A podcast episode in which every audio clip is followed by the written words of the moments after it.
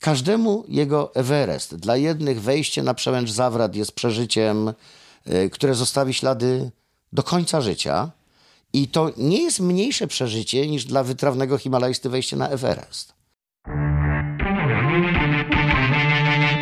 Szukam przygód! Haha!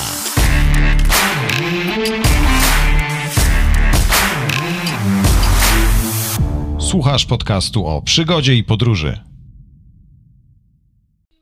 Cześć, tu Bartek Dobrowolski i witam Was w kolejnym odcinku podcastu Szukam Przygód. Hmm.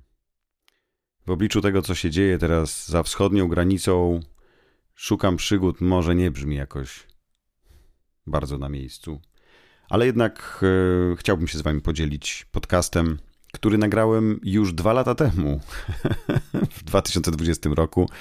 W samym środku pandemii e, z Markiem Pęcarskim rozmawialiśmy o jego wizycie w bazie polarnej na Spitsbergenie. No i obiecałem wam drugą część tego podcastu, więc chciałbym, żebyście mieli okazję go posłuchać. W ten sposób kończymy tą rozmowę z Markiem. Ona trwała ponad dwie godziny, więc miałem też sporo roboty z edycją i tak zwlekałem bardzo długo z tym, żeby go opublikować, ale już, już jest. Teraz mam chwilkę, żeby to zrobić. No cóż, skończyliśmy ostatni odcinek. Jeżeli nie słyszeliście, to bardzo proszę znajdźcie sobie na mm, kanale Szukam Przygód poprzedni odcinek, e, gdzie rozmawiamy z Markiem, jak wylądował właśnie na bazie polarnej w Spitsbergenie i spędził tam rok. No i właśnie jest tam pierwszy dzień, wychodzi ze swojego pojazdu. No i właśnie, i co dalej? Co robi człowiek, który znajduje się na bazie polarnej pierwszy raz w życiu i jest tam pierwszego dnia? Posłuchajcie, zapraszam. Marek Pęcarski.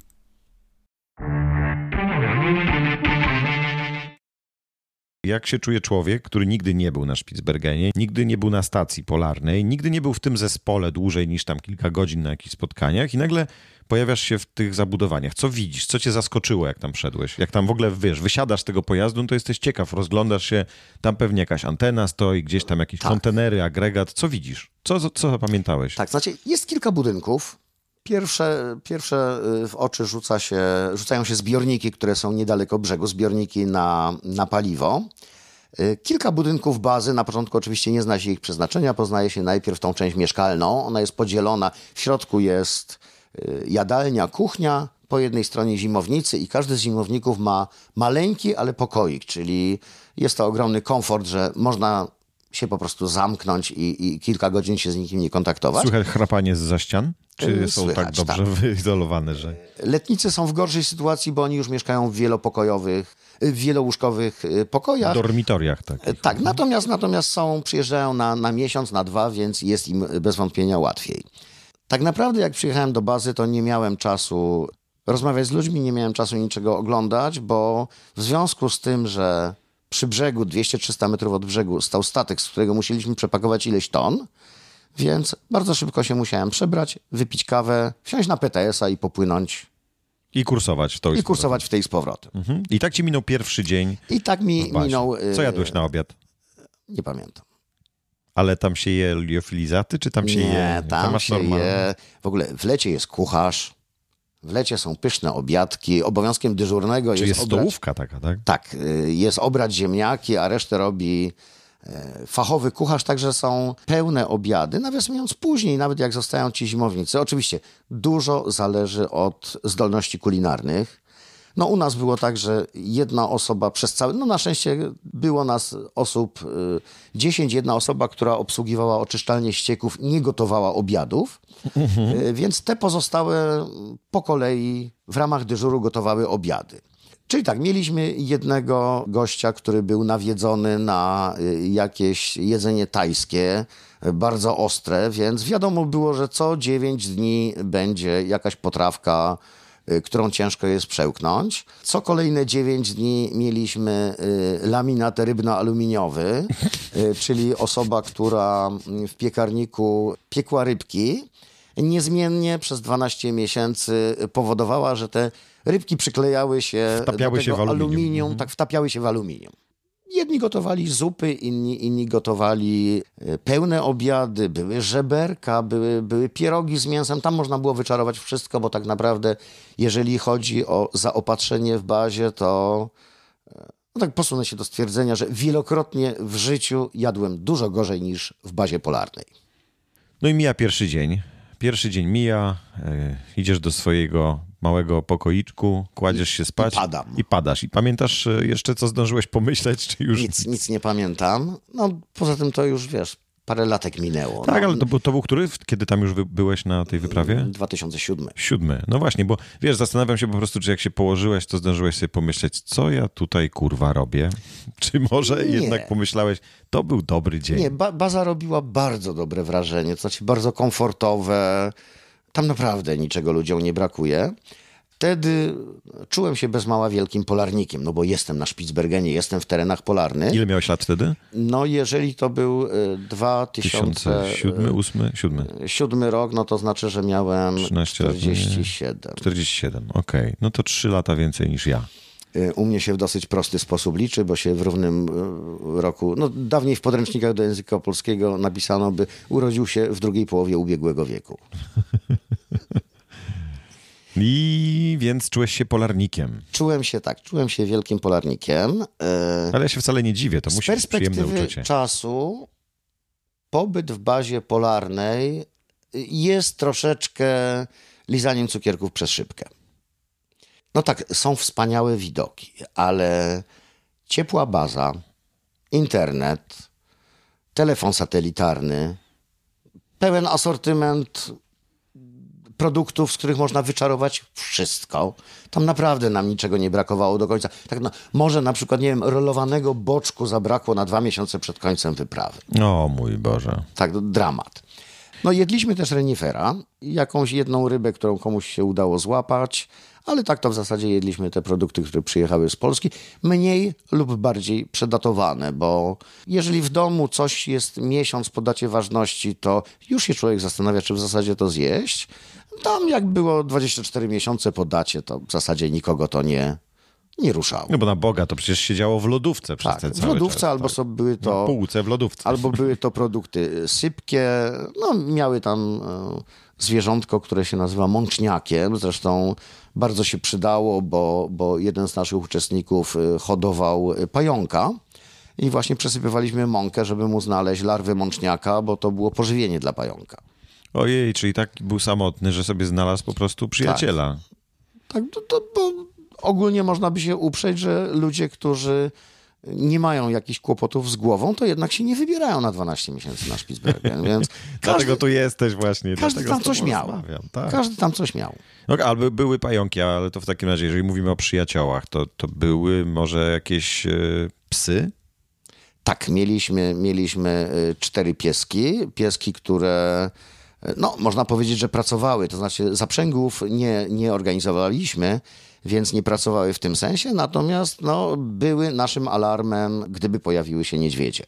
A, właśnie. No to teraz możemy spokojnie przejść do zwierząt. Niedźwiedzie, one się często pojawiały? A psy biegały wolno, czy były na, na jakichś łańcuchach, czy w zagrodach? Były okresy, kiedy były na łańcuchach. Tak naprawdę, jak pojawiały się niedźwiedzie, to, to psy najczęściej biegały wolno, bo Mogły wtedy przeżyć. y, y, mogły wtedy przeżyć. Tak, pies na łańcuchu y, przy niedźwiedziu to jest prawie jak robak na haczyku. A taki pies atakuje niedźwiedzia, czy ucieka tak, od niego? Tak, są to bardzo waleczne psy. Potrafiły przeganiać, podgryzać. Na wyprawie, na której byłem, e, na szczęście nie mieliśmy e, problemów, natomiast na późniejszych wyprawach były przypadki, że szyto psy, leczono je po, po poranieniu przez niedźwiedzie. No ale te niedźwiedzie podchodziły pod bazę, widziały tam ludzi, nie bały się? Tak, podchodziły na kilka, kilkanaście metrów. E, Jest gdzieś takie zdjęcie, czy mam takie zdjęcie, że mam zdjęcie mordy niedźwiedzia, e, ale Które w ten zrobiłeś. sposób, że siedzi się w pokoju, kolega mój zrobił, siedzi się w pokoiku, a za niewielkim okienkiem jest ogromna morda niedźwiedzia, który zagląda do bazy, ciekawy, co tam się w środku dzieje.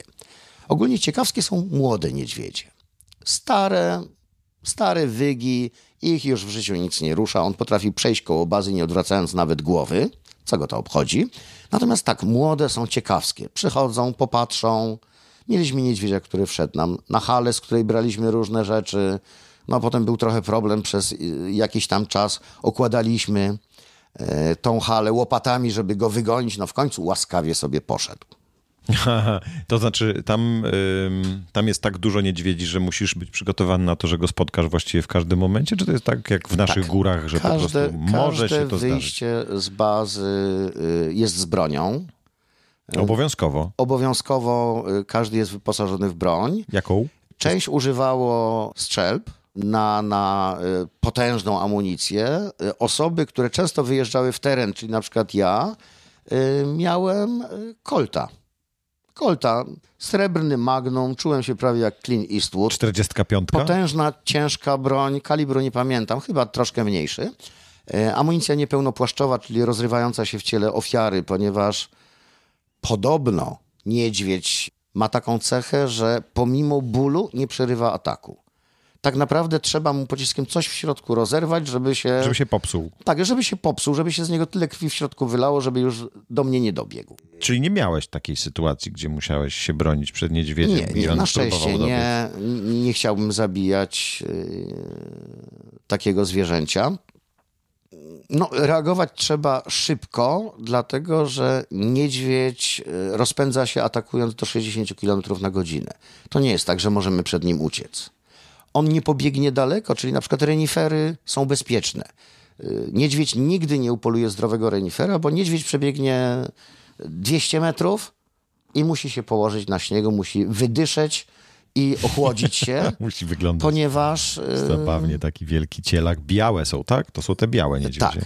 Znaczy, nie wiem, czy w ogóle nie ma, ale ma bardzo niewiele gruczołów potowych, czyli e, nie ma takich mechanizmów termoregulacji jak my. No ale jak, jak pies, prawda? No, Czyli psy nie mają dokładnie, tak też gruczołów potowych, kury nie mają musi- gruczołów potowych. wydysz, wydyszeć. No dobrze, no i teraz tak, mówisz y, pistolet lub strzelba, ty magnum, taki niedźwiedź, jak go zobaczysz, jedziesz skuterem, to się boisz? To jest Czy raczej jest tak, że on będzie to uciekał jest od bezpiecznie, ciebie? bo on ucieka od skutera. No właśnie. E, Czasami z Marcinem, tym, tym e, naszym e, producentem markowego wina, dostawaliśmy zlecenie, że mamy odgonić niedźwiedzia od bazy.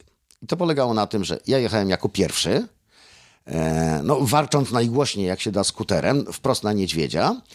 I ten niedźwiedź uciekał, ale w związku z tym, że teren nie jest równy, jest pofalowany, więc bywało tak, że niedźwiedź zniknął mi za górką i ja wjeżdżałem na tą górkę w pogoni za niedźwiedziem. Za mną oczywiście jechał Marcin z bronią przygotowaną do strzału, na tyle, na ile można być przygotowanym do strzału, prowadząc skuter. Znaczy, on był moim zabezpieczeniem. I tak, wtedy na przykład były takie myśli, jak wjadę za górkę, co będzie, jak ten niedźwiedź odwrócił się o 180 stopni i będzie nie tyłem, tylko przodem do mnie. To tak, to takie myśli były. Natomiast nie, nie, nie mieliśmy żadnych, znaczy ja osobiście nie miałem żadnych naprawdę niebezpiecznych sytuacji z niedźwiedziem i w bazie do brzegu ja bardzo często funkcjonowałem bez broni. Jedziesz tam, musisz mieć pozwolenie na broń? Skąd tą broń bierzesz? Dostajesz ją na stacji? Tak. Znaczy tak, y, stacja ma własną broń, czyli jeżeli jestem na stacji polarnej, to broń jak gdyby dostaję służbową i tak jak mówiłem, y, cięższą broń dostają osoby bardziej stacjonarnie pracujące, lżejszą y, broń bardziej poręczną dostają osoby, które pracują w terenie. Ale tu jest ciekawe, jeżeli człowiek się nie wybiera do bazy na Spitsbergenie, tylko wybiera się w ogóle na Spitsbergen. Tak jak się wybierałem, jak już wspomnieliśmy, połazić na nartach czy popływać kajakiem. E, W Polsce nie mam ani zezwolenia na broń. Mam patent strzelca, ale to też za chwileczkę opowiem, skąd ten patent strzelca u mnie, bo, bo ogólnie mm, strzelanie nie sprawia mi przyjemności. Jestem pacyfistą i w ogóle tym bardziej po, po moich doświadczeniach z wojny chyba bardziej niż przed. Jeżeli przed wojną wyobrażałem sobie, że mogę mojemu dziecku kupić karabin jako zabawkę, myślę, że po wojnie żadnemu dziecku karabinu jako zabawki nie kupię. Wojna jest potworna. O tym, że się będzie na Spitsbergenie y, używało broni, czy daj Boże nie używało, ale nosiło, y, trzeba pomyśleć wcześniej. Y, tam obowiązuje, tak samo jak w wielu innych krajach Europy, y, rodzaj zezwolenia na broń, z tym, że tam obowiązuje zezwolenie czasowe dla turystów. Y, Przed wyjazdem należy, to wszystko można znaleźć na stronie y, gubernatora, należy złożyć podanie o zezwolenie na broń. Do tego podania trzeba dołączyć zaświadczenie o niekaralności z Polski. Y, I czeka się czasami parę godzin, czasami parę dni od pracownika, który się tym zajmuje. Na początku tylko elektronicznie wysłane, później dostaje się papierowe zezwolenie na posiadanie broni przez tam okres iluś tygodni i używanie tej broni. E, broń można zdobyć na kilka sposobów. Na e, niektórych wyjazdach miałem broń pożyczaną, czyli korzystałem z uprzejmości kolegów na Spitsbergenie i za przysłowiową flaszkę miałem karabin. E, na ostatnim wyjeździe kajakowym takiej możliwości nie było i pożyczyłem w wypożyczalni broń. No, dramatycznie. Tam, tam tak, wypożyczalni. tak, na miejscu w Longyearbyen. Dramatycznie to podrożyło y, Koszty wyprawy. koszty wyprawy. Natomiast można pożyczyć. Ciekawostką jest to, jaką broń się pożycza. I wypożyczalnie, i moi znajomi oferowali mi Mausery, karabin, tam chyba się ładuje pięcioma pociskami, karabiny, które pozostały tam po kontyngencie niemieckim z czasów II wojny światowej, jeszcze sygnowane gapą, swastyką. Z jednej strony ciekawostka, że te karabiny tyle mają, z drugiej strony ukłon dla konstruktora karabinu i, i, i fabryk, które je wykonywały, że po paru dziesięciu latach od II wojny światowej te karabiny przedstawiają tak, w zasadzie pełną Wartość użytkową. Wartość użytkową. Nie jest to problem, jak się ciągnie sanki, bo ten karabin na sankach pięciokilowy niewiele zmienia postaci rzeczy. Natomiast już na małym kajaku ten karabin jest dramatycznym, dramatycznie ciężkim składnikiem bagażu. No tak, kiedy namiot waży pewnie... Tak, no przede wszystkim jedzenie waży, z którego nie można zrezygnować. Nie ma żadnego sklepu po drodze, znaczy nie ma nic po drodze, więc trzeba mieć wszystko. Ciekawe jest to, że nawet jeżeli... Nie, nie, nie, nie, nie, nie, Dobrze. Marek. Nie. Nie. Ja chciałbym z tobą o tym Okej. porozmawiać przy innej okazji, bo to jest też super ciekawe, ale skupmy się na stacji polarnej. Tam masz broń. E, Tam masz broń. E, Musiałeś ćwiczyć, używać jej, czy po prostu włożyłeś sobie gdzieś tam do, Nie, do nie, przypasku, sobie- trzymałeś gdzieś tam ten rewolwer i po prostu jeździłeś na zasadzie być może jak będę musiał użyć, to będę po prostu wiedział, jak to zrobić. Tak, to znaczy tam kilka strzałów próbnych oddaliśmy, natomiast nie były to jakieś ćwiczenia strzeleckie w celowaniu. E, Ogólnie jest tak, jeżeli się strzela do niedźwiedzia, strzela się no, w stanach bezpośredniego zagrożenia życia, czyli w zasadzie albo jak niedźwiedź jest w niedalekiej odległości, w 30 metrach, jest frontem i zaczyna ruszać, bo umówmy się, że jak on już się rozpędzi i biegnie do nas, to już nie zdążymy wyciągnąć broni. Chyba, że mamy przygotowaną do strzału, to wtedy tak. No więc to celowanie jest z niewielkiej odległości. Niedźwiedź jest stosunkowo dużym celem. Zamykasz oczy i ładujesz po prostu Tak, to, co masz. tak, Tak, tak. tak. No, No. ale rzeczywiście to musi być przykre doświadczenie, No, kiedy no to- zabijasz takie To wyżej piękne jeden zwierzę. wygrywa, Tak. reszta przegrywa. Dosyć proste zasady. Marek, tytuł tego podcastu to Szukam Przygód. Ja chciałbym teraz poszukać z tobą przygód, chociaż wszystko, co mówisz, jest ciekawe, ale powiedz mi, jak myślisz sobie o tym, że miałbyś się wybrać na Spitsbergen, to jakie, jakie, jakie sprzęty w pierwszej kolejności przychodzą ci do głowy, że warto zabrać, a, a mogłyby nie przyjść mi do głowy jako osobie, która tam nigdy nie była, jako coś naprawdę ważnego? Oczywiście zależy to od tego, e, czy się jedzie chodzić na nogach, czy się jedzie e, chodzić na nartach, czy się jedzie pływać. E, Ciekawostka, na przykład jednym z głównych sprzętów, jeżeli człowiek chce się troszkę poruszać poza głównymi ulicami Longyearbyen ze statku spacerowego, wycieczkowego, są kalosze. Statku spacerowego, który Tak, skąd? przyjeżdżają, znaczy spacerowego, Turystycznego. turystycznego, A tak. skąd te statki przypływają? Z Norwegii? Z Norwegii, y, turyści, nie wiem, być, czy Co, ze Stanów Zjednoczonych. Przypływają i ludzie sobie wychodzą do miasteczka, Tak, żeby zobaczyć po prostu. Wychodzą, odbywają wycieczkę na Longyearbyen, czyli najbliższy lodowiec. Urokliwy zresztą, bo poza tym, że można zobaczyć lodowiec, to y, ten lodowiec jest w terenie, gdzie praktycznie biorąc każdy podniesiony kamień z ziemi zawiera skamienialinę. A to odcisk paproci, a to y, odcisk jakiejś muszelki, więc y, no, bajka dla zbieracza, dla takiego amatora zbieracza, bo prawdziwy zbieracz wie, gdzie kopać, gdzie uderzyć młotkiem, gdzie szukać. Natomiast taka osoba, która zeszła ze statku spacerowego, nie ma o tym zielonego pojęcia i w okolicach tego lodowca, cokolwiek by nie podniosła, ma szansę podnieść kamyczek ze skamieniałością. Bardzo miłe. Jest takie, jest takie miejsce również w Tatrach. Może skamieniałości nie są tak Spektakularne. e, tak spektakularne, natomiast e, pod kamieniołomami podsapki w zasadzie prawie każdy kawałek wapienia zawiera muszelki z gatunku pekten. E, I często tam się bierze e, wycieczki. No, nie jest to lewa tylna noga dinozaura, ale jednak przyjemność wycieczki, że znalazło odcisk muszczelki jest ogromna. To też jest takie miejsce, że, że każdy podniesiony kamień ma szansę zawierać skamieniałość. Ale nie masz muszelek, masz ze sobą sprzęt, bo teraz zastanawiasz się nad tym, jaki sprzęt. Taki Tak. wiesz, taki, który niedoceniany byłby. Ja bym nie pomyślał o tym, że to jest takie Kalosze. super ważne. Kalosze. Kalosze, bo ogromne tereny są bezodpływowe. Tak jak mówiłem, wieczna zmarzlina powoduje, że to nie wsiąka. Y, Czyli w lecie bardzo często chodzi się do połowy łydki po kolana no, w takim błocie. W błocie, mchach, ogólnie w rzeczach, w których bardzo łatwo jest zostawić buty. Zasysają, można zostawić buty, czasami się balansuje na jednej nodze i właśnie wyrywa się tylnią nogę z kaloszem y, z takiego terenu. Zimową porą e, warto jest wziąć hałwę, Hałwę. ponieważ jest to po pierwsze słodycz, czyli, czyli fantastyczne źródło energii, w przeciwieństwie do sneakersów, marsów, przez to, że jest tłusta, nie zamarza. Czyli nawet przy minus 20 wyciąga się ją z plecaka i Ona się słodko kruszy, jest tak, tłusta. Jest, jest, jest tłusta, jest słodka, jest energetyczna, jest cudowna. Dużo hałwy No i zjadłeś przede wszystkim no, ma, smak, ma smak cywilizacji. Tak, ja brałem zawsze dużo hałwy, to jest taki, taka żelazna porcja energii. A spotykałem się, że ktoś właśnie miał sneakersiki, czy w bazie mieliśmy właśnie batoniki, które ochoczo brałem w teren i potem się okazało, że właśnie po przejechaniu kilkunastu kilometrów skuterem chciałem sobie zjeść batonika. Batonik nadawał się tylko do strzelania nim do niedźwiedzi. Był tak zamarznięty, że na pewno trzeba myśleć o tym, że człowiek musi być samowystarczalny. Czyli mam kajak, muszę mieć łatkę, muszę mieć klej. Mam spodnie, muszę mieć igłę, muszę mieć nici.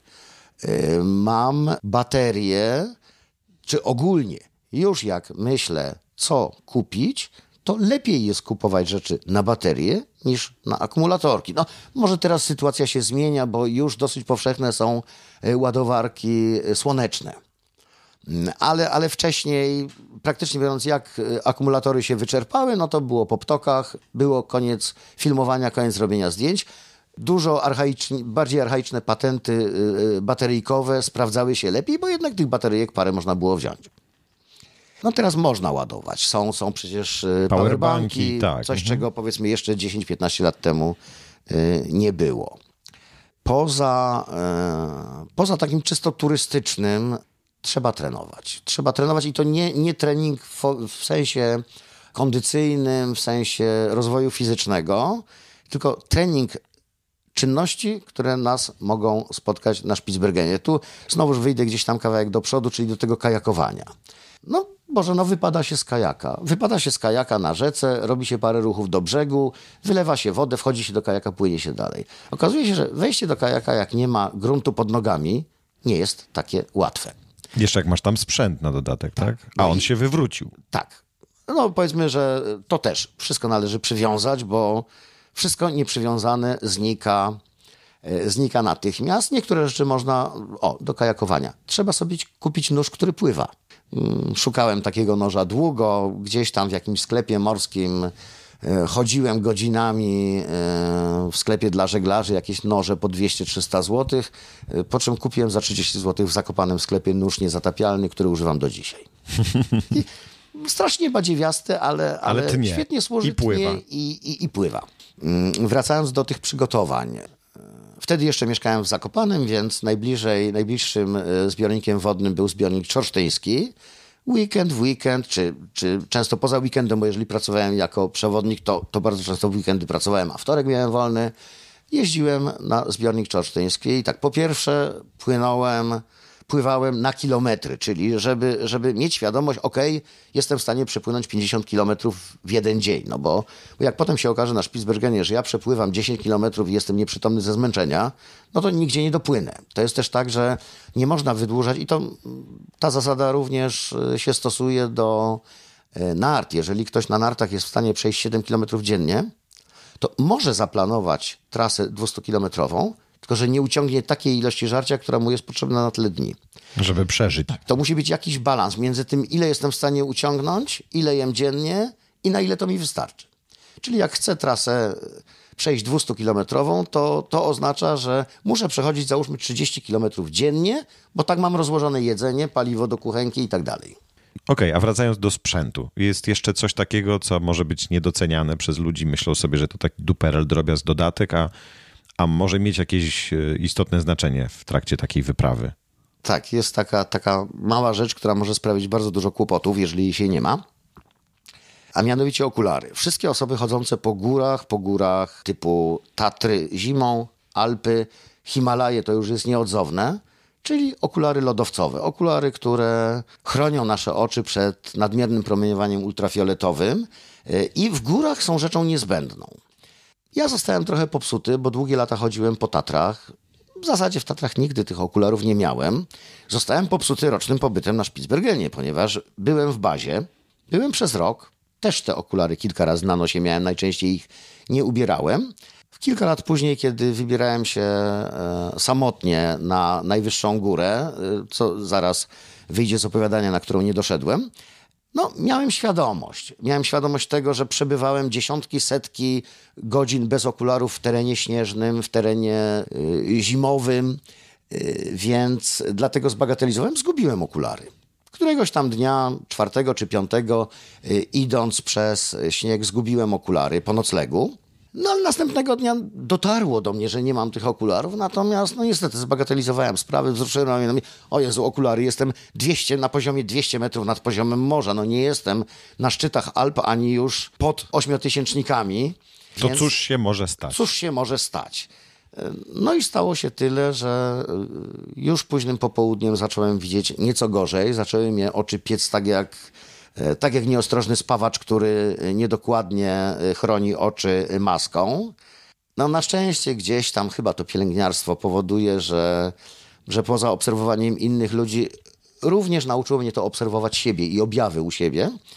E, no więc w pewnym momencie, jak zacząłem się faktycznie bać, że sobie napromieniowałem oczy ultrafioletem, no, zrobiłem w tył zwrot i zacząłem iść ku cywilizacji. No, nie za daleko doszedłem ku tej cywilizacji, czyli do Longyearbyen miałem grubo ponad 100 kilometrów, czyli tak naprawdę do ludzi. A szedłeś sobie, tak, wtedy po tak, prostu? Tak, mhm. ale do ostatniej chałupki, y, która była zamknięta, bo norweskie koło łowieckie pozamykało bardzo dużo domków, w których można by spać, ale w takiej sytuacji, kiedy tak, mam problem z oczami, to oczywiście bym się bezczelnie włamał do tej chatki, nawet wybijając okno. No byłoby to działanie dla ratowania życia, więc jak najbardziej Wyższa byłoby konieczność. Mhm. przez y, Norwegów y, usprawiedliwione. No więc kierowałem się w dół. Już jak zjeżdżałem do Skotechyty, tak się nazywa ten domek, y, zjeżdżałem lodowcem, o którym wiedziałem, że jest uszczelniony, bo między szczelinami podchodziłem do góry. E, no to już moje zjeżdżanie wyglądało mniej więcej w ten sposób, że zatrzymywałem się. Oczywiście styl był... Ale, to, to, ale widziałeś, tak? Czy nie widziałeś? No właśnie niewiele widziałem. Widziałem jak jasne... to, jakie to było? Jasne co, co widziałeś? Jasne, mleko. Zaraz, Marek, czyli ty miałeś ślepotę śnieżną? Tak, miałem ślepotę śnieżną. Czyli nic nie widziałeś? Która w tym wypadku, znaczy to był początek ślepoty śnieżnej, czyli jak gdyby pierwszy dzień po napromieniowaniu. Nieco gorzej, jeżeli chodzi o ostrość, widać, natomiast przeszkodą w patrzeniu jest bardzo dokuczliwy, piekący ból oczu i taki piasek w oczach.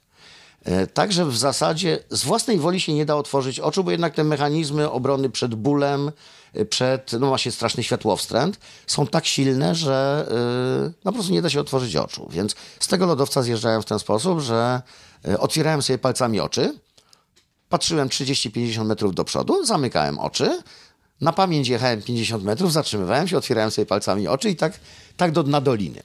To nie jest tak, że tam jest szczelina na szczelinie i faktycznie trzeba, trzeba yy, że tak powiem, balansować ciałem na krawędzi szczeliny przy każdym kroku.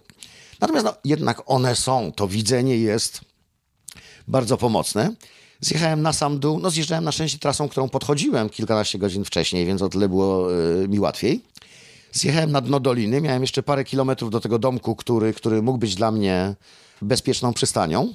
A skąd wiedziałeś, że ten domek tam jest? Miałeś go na mapie? Nie, idąc w tamtą stronę, Mijałeś przechodziłem go. koło niego, A, spałem okay. pod jego ścianą. Mhm. Tam zresztą część rzeczy zbędnych, czyli na przykład żarcie na powrót, zostawiłem, żeby nie wlec wszystkiego za sobą. I postawiłeś koło domku? Tak, tak. Okej, okay, wiedząc, tak, że właściwie to mało za... prawdopodobne jest, że ktoś będzie tam tędy przechodził. Y, tam jest ogólnie zwyczaj, że y, jeżeli w zupełnym pustkowiu stoi skuter albo leży kajak, nikt go nie weźmie. To jest czyjś kajak, czyjś skuter.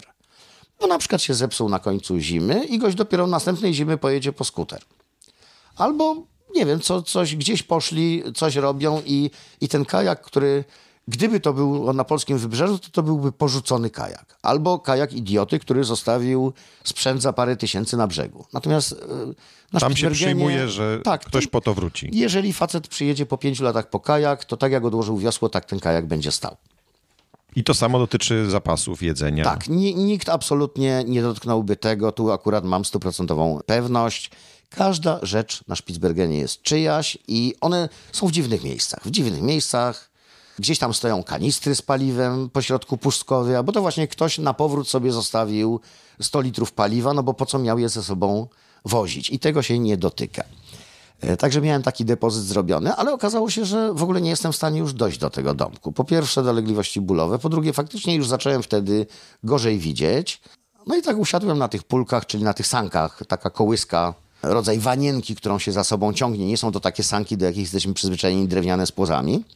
Usiadłem okrakiem, no i zacząłem się zastanawiać. No dobra, obiadu sobie nie zrobię, bo nie widzę. Przed niedźwiedziem się nie obronię, bo nie widzę. No, dowiem się, że jest, jak zacznie jeść moją lewą nogę. Do domku nie dojdę, bo nie widzę. No i, i, no i w końcu musiałem zrobić rzecz, rzecz, której w zasadzie każdy podróżnik, każdy turysta się wstydzi. Musiałem poprosić o pomoc. E, W związku z tym, że miałem telefon satelitarny, który jest obowiązkowym wyposażeniem i e, jest taka rozmowa e, z pracownikiem gubernatora, który albo wymaga deklaracji słownej, ale jak byłem pierwszy raz, to kazał pokazać. Natomiast no, tam też jest tak, że jak ja czwarty raz do tego samego pracownika szedłem się przedstawić, że będę coś tam robił na Spitsbergenie, to on patrzył, mówił cześć Marek i podpisywał papier już, już nie, nie, nie robił ze mną wywiadu, a co ja robiłem, a czy ja kiedyś byłem na nartach, a, a czy, czy wiem, jak wygląda niedźwiedź i tak dalej, i tak dalej. I czy mam radioboje, bo, bo wiedział, że, że jest. Więc najpierw zadzwoniłem sobie do pracownika gubernatora z telefonu satelitarnego, próbowałem określić, gdzie dokładnie jestem. E, Pracownik stwierdził, że, że oni nie będą tak mnie szukali, czy mam radioboje, czyli urządzenie, które po wciśnięciu jednego przycisku przez satelitę y, wysyła sygnał wezwania pomocy. Z lokalizacją. Tak, z lokalizacją oczywiście. I to z podwójną lokalizacją. Jedna jest zgrubna, satelitarna, druga na częstotliwości radiowej. Jest już taka bliska, że, że lecą na punkt. No i zgodnie z, ra- zaradą pracownika gubernatora włączyłem radioboje. Po 30 paru minutach przyleciał śmigłowiec. Panowie mnie zabrali do śmigłowca. Jedyne, czego żałuję, że nie oglądałem widoków ze śmigłowca, bo kiepsko widziałem. E, moją łamaną angielszczyzną e, poprosiłem panów, że ja mam jeszcze depozyt przy Skotechycie. Bez żadnego problemu. Wylądowali, oni zebrali moje graty, załadowali je do śmigłowca. E, Ze śmigłowca jeden, zostawił, tam wszystko zostało, jeden z pracowników zabrał mnie do szpitala. W szpitalu chwileczkę czekałem, dlatego że szpital funkcjonuje tak, że e, jeżeli jest pacjent, to w szpitalu jest pielęgniarka. Jeżeli nie ma pacjentów, to nikogo nie ma w szpitalu. Podobnie zresztą no, z lotniska, bo stacja, e, śmigłowcowa stacja e, ratowników jest oczywiście na lotnisku, czy przy lotnisku. I ciekawostką Spitsbergenu jest to, że o godzinie 14 przylatuje samolot. Wszystko jest jak na każdym innym lotnisku. Dyspozytor, odprawa bagażowa, wózki, ochrona. Po czym odprawi się 120 czy 200 osób, które przyleciały. Zamyka się lotnisko. Zostaje jeden czy dwóch ludzi ochrony. Kontrolerzy, panie od bagażu, panie od biletów, panie sprzedające y, gadżety. Wszystko wsiada w samochody, jedzie do siebie do domu. Przyjadą następnego dnia o godzinie 9, bo znowuż przylatuje samolot, albo o 18, bo ten odlatuje. Lotnisko działa W takim punktowo rytmie. Mhm. w rytmie, w rytmie lotów. E, Więc jeden, jeden z panów, e, z pilotów, zawiózł mnie swoim samochodem e, do. No bo on też z domu robi akcję, czyli dzwonią, że jest wypadek. On wsiada w samochód, jedzie pod śmigłowiec, odpala śmigłowiec i lecą. I tak cała ekipa działa. Bałeś się? I tak, i nie. To znaczy, to, że nie był to paniczny strach, to, to dzięki Norwegom. Bo to oni wymuszają, żebym miał telefon satelitarny, żebym miał radioboje, czyli te podstawowe środki, y, którymi komunikuję y, o tym, że jest jakaś sytuacja niebezpieczna. Ba, y, jeszcze jedno jest wymuszone, że nie ma no, na wyjeździe w Himalaje, nie pamiętam, kogoś bolał ząb i tam się zaczęły dyskusje. Dobra, iść do taniego lekarza w Katmandu, który nie wiadomo jaką usługę oferuje, czy iść do, nazwijmy to lekarza dla białych, rasistowsko to zabrzmi, ale troszkę tak jest. I wtedy było pytanie, ile setek euro to będzie kosztowało. No, może być tak, że na przykład będzie mnie bolało, nie będę leczył zęba, albo mi go kolega wyrwie, bo mnie po prostu nie stać na przykład na 500 euro leczenia. I tutaj też dzięki Norwegom takich dylematów się nie przeżywa, dlatego że jak zgłaszam swój wyjazd i mówię, dobra, chcę dopłynąć kajakiem tu.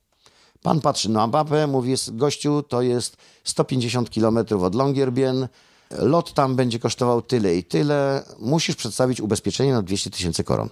Czyli już dostając zezwolenie na trasę, jednym z warunków otrzymania zezwolenia jest Już planują akcję ratunkową. taka wysokość polisy, która im pozwala mnie uratować za darmo, czyli polisa zwraca im koszty y, akcji. Także sprawa jest załatwiona, więc nie ma panicznego strachu, bo ja wiem, że ta pomoc mi się należy, y, wiem, że mam ją jak wezwać. Natomiast no tak, no ogólnie sytuacja, kiedy się traci wzrok, a go się do tej pory miało, jest sytuacją stresującą.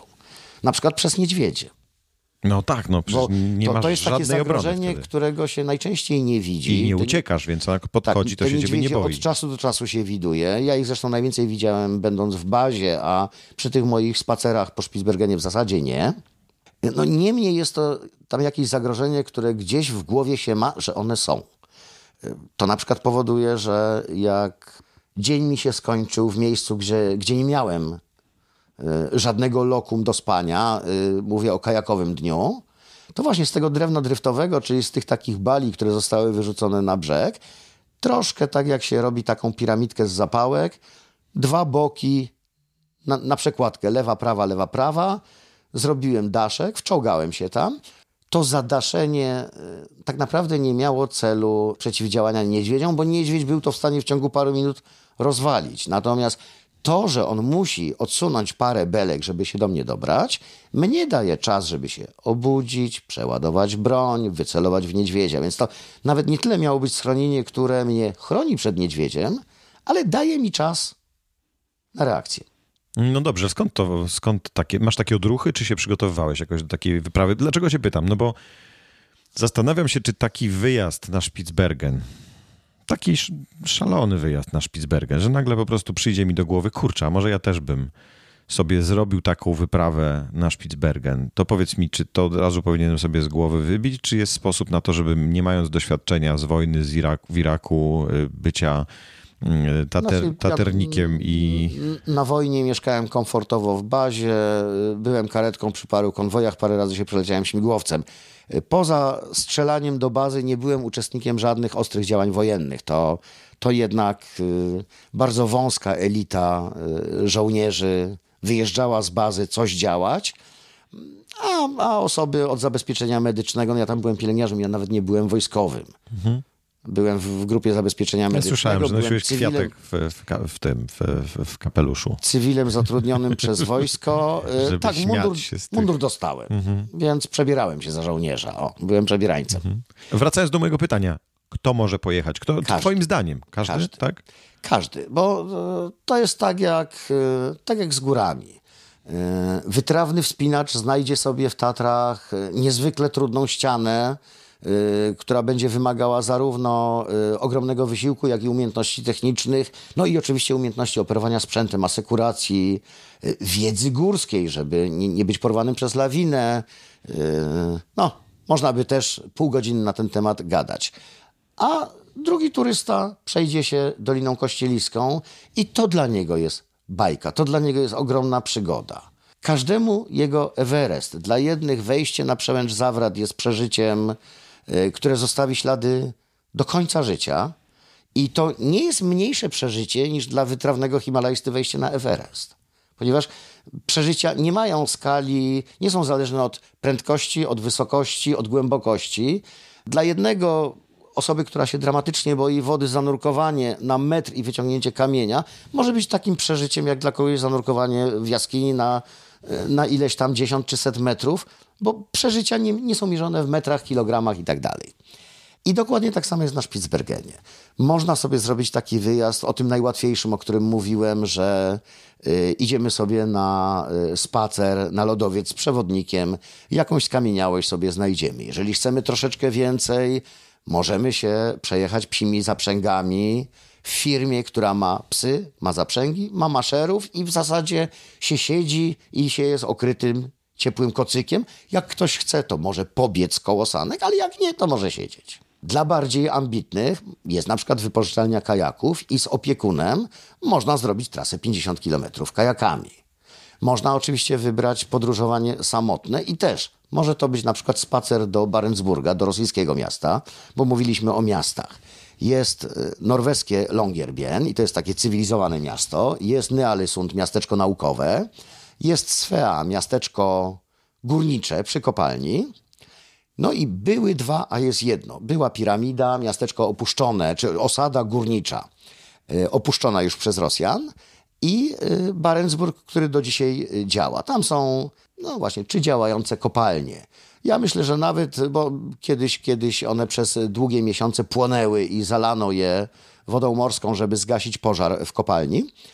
Być może wcale tam się węgla nie wydobywa, ale w związku z tym, że jest to niezwykle strategiczne miejsce, to ja bym się wcale nie zdziwił, że tam jedne statki przywożą węgiel po to, żeby drugie statki ten węgiel wywoziły i, i to już uzasadniałoby bytność w tym miejscu. Bo jest to miejsce o ogromnej, mm, ogromnym znaczeniu strategicznym. Ciekawostka w czasie II wojny światowej równolegle w różnych miejscach były stacje meteorologiczne i aliantów, i Niemców.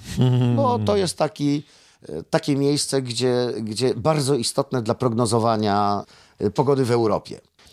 Y, więc można do tego miasta rosyjskiego się wybrać. Jest to całodniowy spacer. Jest to tam, nie wiem, no nie pamiętam, pewnie, pewnie skłamie. Wydaje mi się około 30 kilometrów. W terenie niespecjalnie wymagającym. ale jakbym, jakbym do tego miasta doszedł, to co ja tam znajdę? No, przede wszystkim miasto. Jest hotel, można przenocować, można coś zjeść nie bardzo można y, poza hotelem coś zjeść i coś kupić, dlatego że to jest miasteczko górnicze.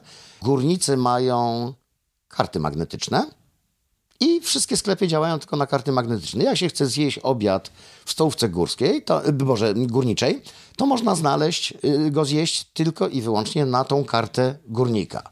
Wobec tego, jak ja płynąc kajakiem odwiedziłem rosyjskich naukowców, których poznałem parę dni wcześniej, to tak, natychmiast ktoś z nich z, z własnych oszczędności, jak gdyby dał kartę. Ja jadłem za cudze pieniądze, piłem za cudze pieniądze.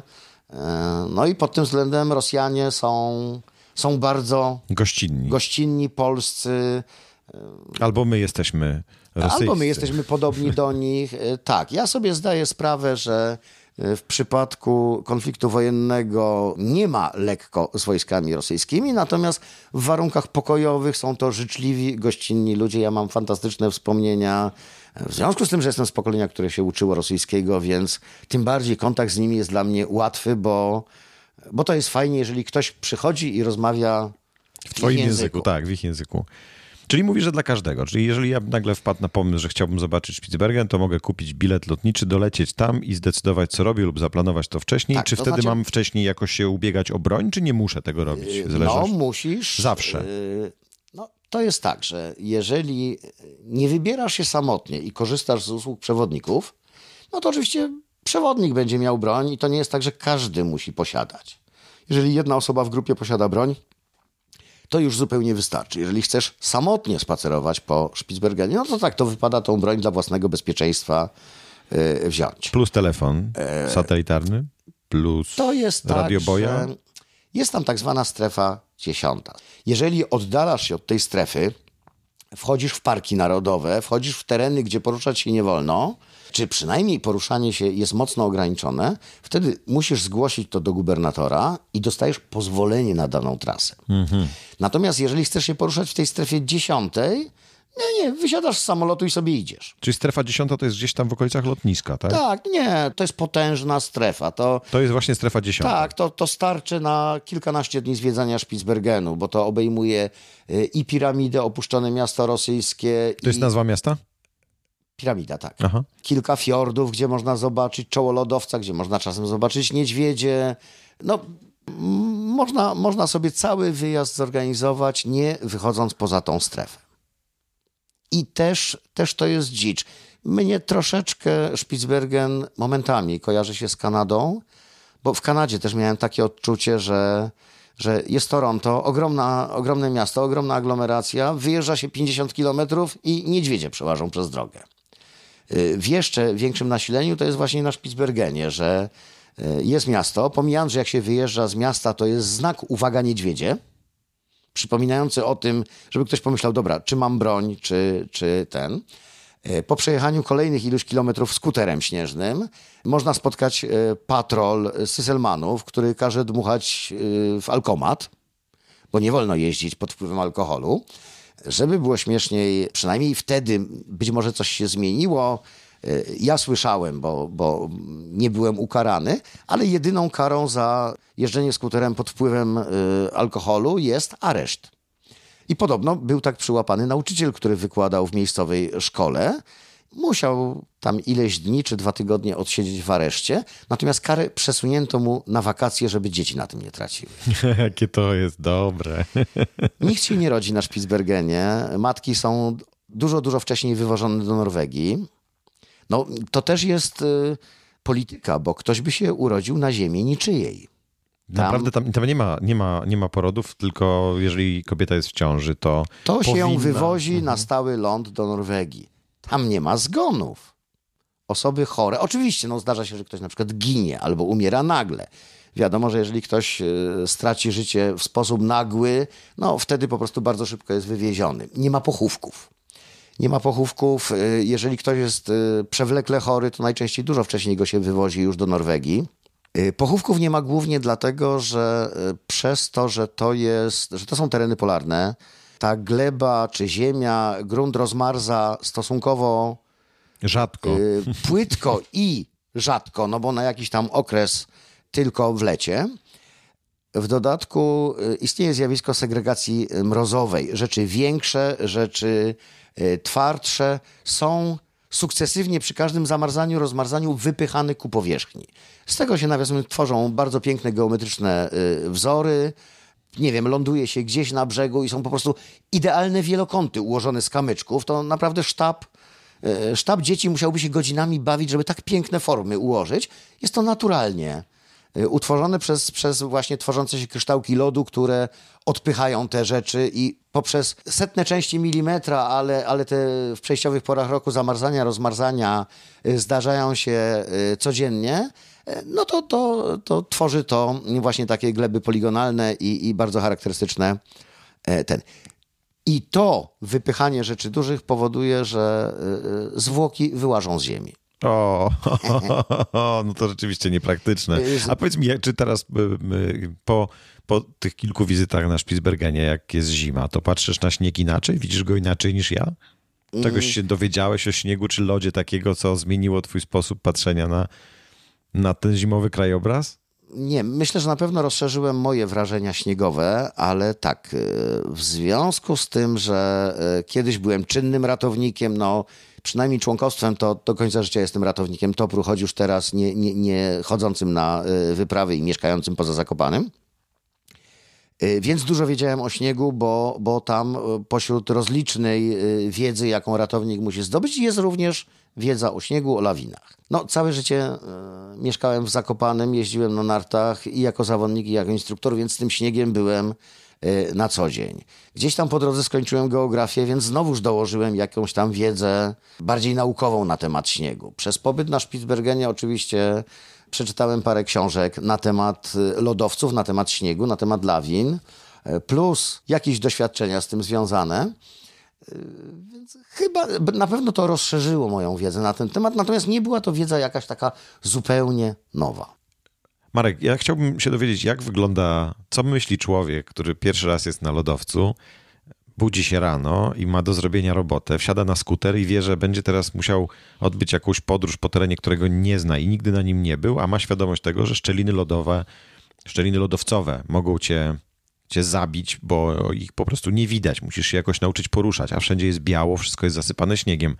Co myślałeś? Jak wyglądała twoja pierwsza wyprawa? Wszystko, co powiedziałeś, jest prawdą. Natomiast tak, z jednej strony ja miałem odrobinę łatwiej, bo jednak kilka razy byłem w górach lodowcowych. No, w Tatrach Szczelin nie mamy, ale ogólnie poruszanie się mm, w śniegu, y, każdy, czy ratownik, czy przewodnik jest z tym śniegiem y, obyty.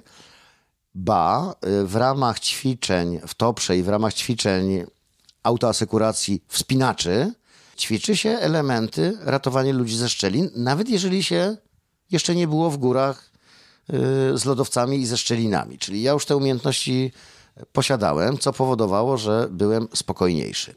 Na Spitsbergen przyjeżdża się w środku lata. W związku z tym na lodowcu jest bardzo mało świeżego śniegu. Prawie wszystkie szczeliny są odsłonięte, są otwarte. I w ten sposób od lipca dwa, trzy razy w tygodniu robię swoją turę po lodowcu. W związku z tym zaczynam go poznawać. Aha, tutaj są szczeliny ustawione w tą stronę, tu są większe, tu są mniejsze, bo normalnie idąc w rakach po wodnym lodzie, takim półprzezroczystym, niebieskawo-zielonym, omijam je. I potem któregoś dnia, e, tak, przychodzi właśnie ten dzień, ale to nie jest pierwszy dzień, tylko to już jest na przykład listopad. Tak, e, wychodzę z bazy, idę na lodowiec i wtedy mnie zatyka bo pamiętam, że są tysiące szczelin, tutaj podłużne, tutaj poprzeczne, tutaj takie, że wpadnie mi jedna noga, tutaj takie, że mogę w poprzek wrzucić autobus.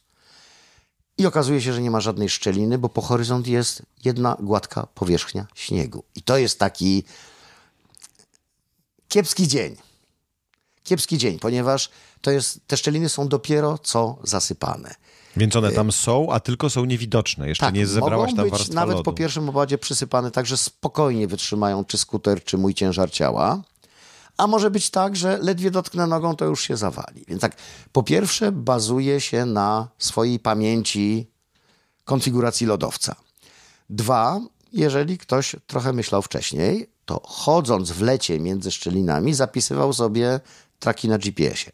Ach, sprytnie. I no tak. potem gapi się jak sroka w kość w swojego GPS-a i patrzy się, którędy najczęściej przechodził, no to tam nie ma szczelin, bo tam chodziłem. Ale nie masz żadnej liny, nie masz żadnego sposobu na to, żeby się samo zabezpieczyć, jak idziesz To znaczy, sobie. jeżeli się idzie w parze, oczywiście w parze, można, tak, można no wziąć linę, tylko tam są takie kilometry do przejścia i szansa wpadnięcia do szczeliny jest tak mała, że powiem szczerze, że nigdy nie szliśmy z asekuracją przez lodowiec. Także no tak, ta lina jest na skuterze, jak się jedzie skuterem. Jak szliśmy na piechotę, to jej nawet nie nosiliśmy, bo nikomu się nie chciało nosić paru kilogramów. No a ta lina y, w plecaku niewiele pomaga. Znaczy ona pomoże, jeżeli ten bez liny wpadnie, to ten z liną ma szansę go uratować. Ale jeżeli wpadnie ten z liną, to No tak, tak. To wtedy no, a już... przede wszystkim nie chroni przed wpadnięciem. To, do czego ma służyć asekuracja, czyli że goś tylko zawiśnie na linie, a nie leci tam ilość e, metrów. Troszkę intuicji, troszkę wiedzy z lata. Na pewno byłoby trudniej, gdyby to było tak, że faktycznie na początku zimy człowiek by tam przyjeżdżał. Jednak bardzo się dobrze ten lodowiec poznaje przez trzy miesiące, zanim jest ten moment opadu śniegu. Przestrzenie. Przestrzenie są, jeżeli ktoś lubi przestrzenie, to tam będzie po prostu e, usatysfakcjonowany od rana do wieczora, bo w którą stronę by się nie spojrzało, to, to jest coś, co można pokonać. Jakaś czy, czy kajakiem, czy y, pontonem, czy statkiem. Można się wspinać, można zjeżdżać na nartach. Na y, pulkach tak, podróżować. można ciągnąć pulki. Ja tam miałem jeszcze deskę snowboardową. No jak pul, pulki ciągniesz za sobą, tak? Tak, Okej. tak. To- Pulki się ciągnie za sobą. A psy w zaprzęgu ciągną pulki, takie same pulki, czy to są... Nie, psy ciągną specjalne sanie, które e, mają miejsce na bagaż, miejsce na maszera, czyli osobę, która pogania psy. Jedno miejsce jest siedzące, drugie miejsce stoi się na płozach z tyłu za oparciem, trzymając się go. Takie sanie mają kotwicę, czyli jak się zatrzymujesz, to wbijasz kotwicę, żeby nie było sytuacji takiej, że a zatrzymaliśmy się na chwilkę, gość się schylił, żeby zawiązać sobie sznurówki, a w tym czasie psy pociągnęły sanki i pojechały i gość zostaje w nieszczególnej sytuacji, więc się wbija kotwicę mm, w śnieg. Marek, to już ostatnie pytanie. Czego ci najbardziej brakuje? Czy jest coś, czego ci brakuje, e, jeżeli chodzi o Spitsbergen? Czy chcesz tam wrócić? Bardzo chciałbym wrócić, ale to do wielu miejsc, w których byłem, chciałbym wrócić. Z tym, że w powrocie e, do tych wszystkich miejsc e, Przeszkadza ci chęć obejrzenia innych miejsc. To jedno, a, a już w ogóle zaczyna mi troszkę przeszkadzać PESEL. No, wczoraj koledze składałem e, życzenia e, z okazji 49 urodzin i nie mogłem się powstrzymać, żeby na końcu nie napisać och, chciałbym mieć tyle lat, co ty. tak, bo jak miałem 49 lat, to byłem jak młody Bóg. A teraz, no tak, już tu boli, tam, tam strzyka, już gdzieś, jak pobiegnę, to zadyszkę mam. Oczywiście e, ogromny udział w tym ma palenie papierosów, czego robić nie należy. Nie, broń Boże, no ale zaraz pójdziesz Ale na zaraz papierosa. na- tak, no pójdę, Tak, tak, tak bo ja rzuciłem, papierosa. już od wielu lat nie palę, ale wiem o czym mówisz. No dobrze, słuchaj, bardzo Ci serdecznie dziękuję za tą rozmowę mm, i mam nadzieję, że nagramy wkrótce kolejny odcinek albo o Spitsbergenie, albo znajdziemy jakiś inny. Myślę, że wiesz co, ja zrobię z Tobą serię tych odcinków, bo jest o czym posłuchać. Również mam taką nadzieję. Dziękuję bardzo. Dzięki serdeczne.